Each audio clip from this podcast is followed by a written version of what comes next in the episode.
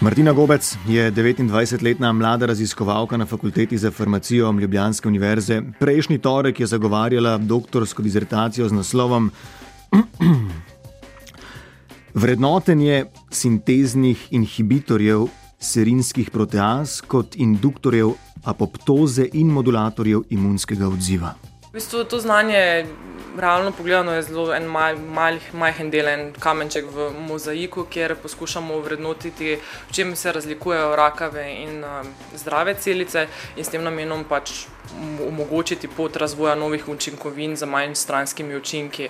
Farmacijo je pred leti postavila pred prevajalstvo, ker je še toliko neodkritih področji, pravi in ker ima občutek, da obstaja možnost prenosa tega znanja v prakso kot vsaj minimalen prispevek, morda celo k razvoju novega zdravila. Občutek, skratka, da delo ni samo sebi namen. Govori torej doktorica znanosti Martina Gobec, doktorica, kako je živeti s tem nazivom.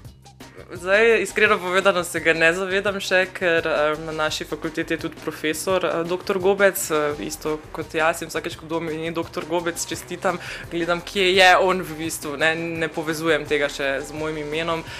Zdi se nekaj velikega, ampak ne realiziraš še, mislim, da to pride s časom, nič kaj pa za mene osebno kot en ja, osebni dosežek. Ampak življenje normalno teče dalje. In z osebnim zadovoljstvom je navdaja tudi to, da zjutraj z veseljem ustane in se odpravi v službo. Vse do sedaj je bilo tako. Kaj zdaj? zdaj upam, um, da sicer ne, ampak načeloma se mi išče obeta iskanje službe. Um, kot omenjeno, fakulteta v bistvu ima projekte, s katerih bi nas lahko financirala, ampak zaradi tega interventnega zakona so te zaposlitve ustavljene in eh, načeloma bi mogla s 1.9. začeti z zaposlitvijo, ampak zdaj uradno sem v bistvu brezposelna.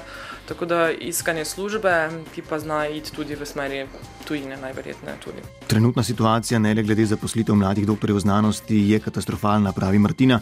In zdi se ji, da je kriza vsaj do določene mere in v določenem smislu umetno ustvarjena. Namen je samo ljudi tudi uh, strašiti in jih s tem ne vem ali kontrolirati. Uh, ja, absolutno vsi, ki sedaj končujejo, vidijo izhod samo v tujini, kar se mi zdi katastrofa, glede na to, da je država vložila denar v naš razvoj in uh, v te vse raziskave, potem pa da to znanje v bistvu beži in da jih tudi moj občutek je, kaj dost ne gane ta, ta situacija.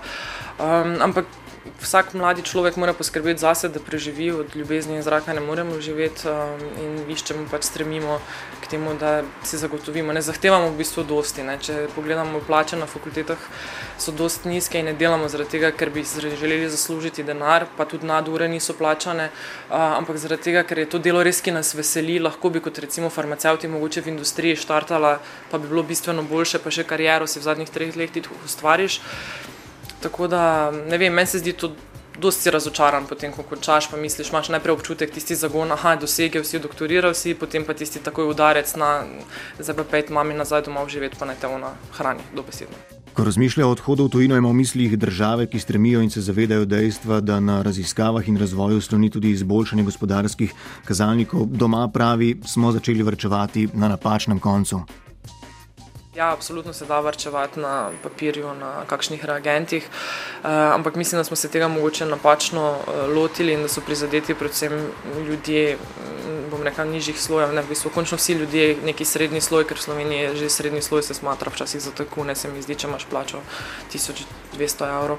Um, Zdaj se rešitev krize absolutno ne leži v tem, da v Sloveniji odganjamo ljudi iz države, ampak te ljudi preusmeriti, omogočiti jim prenos znanja v gospodarstvo in s tem zagnati v bistvu um, mogoče izboljšano pač trenutno situacijo.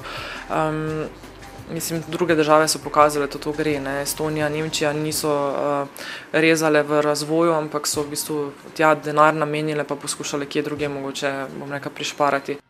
Kratkoročni projekt sogovornice je seveda iskanje zaposlitve, dolgoročni. Dolgoročni ogromni cilj, kreditiranje za naslednjih 30 let in iskanje enih 60 kvadratov stanovanja, ki se išče, ki se imenuje, da je to recimo moja lastnina in kamor se lahko zatečeš na varno. Kaj vas v tem trenutku navdaja z optimizmom?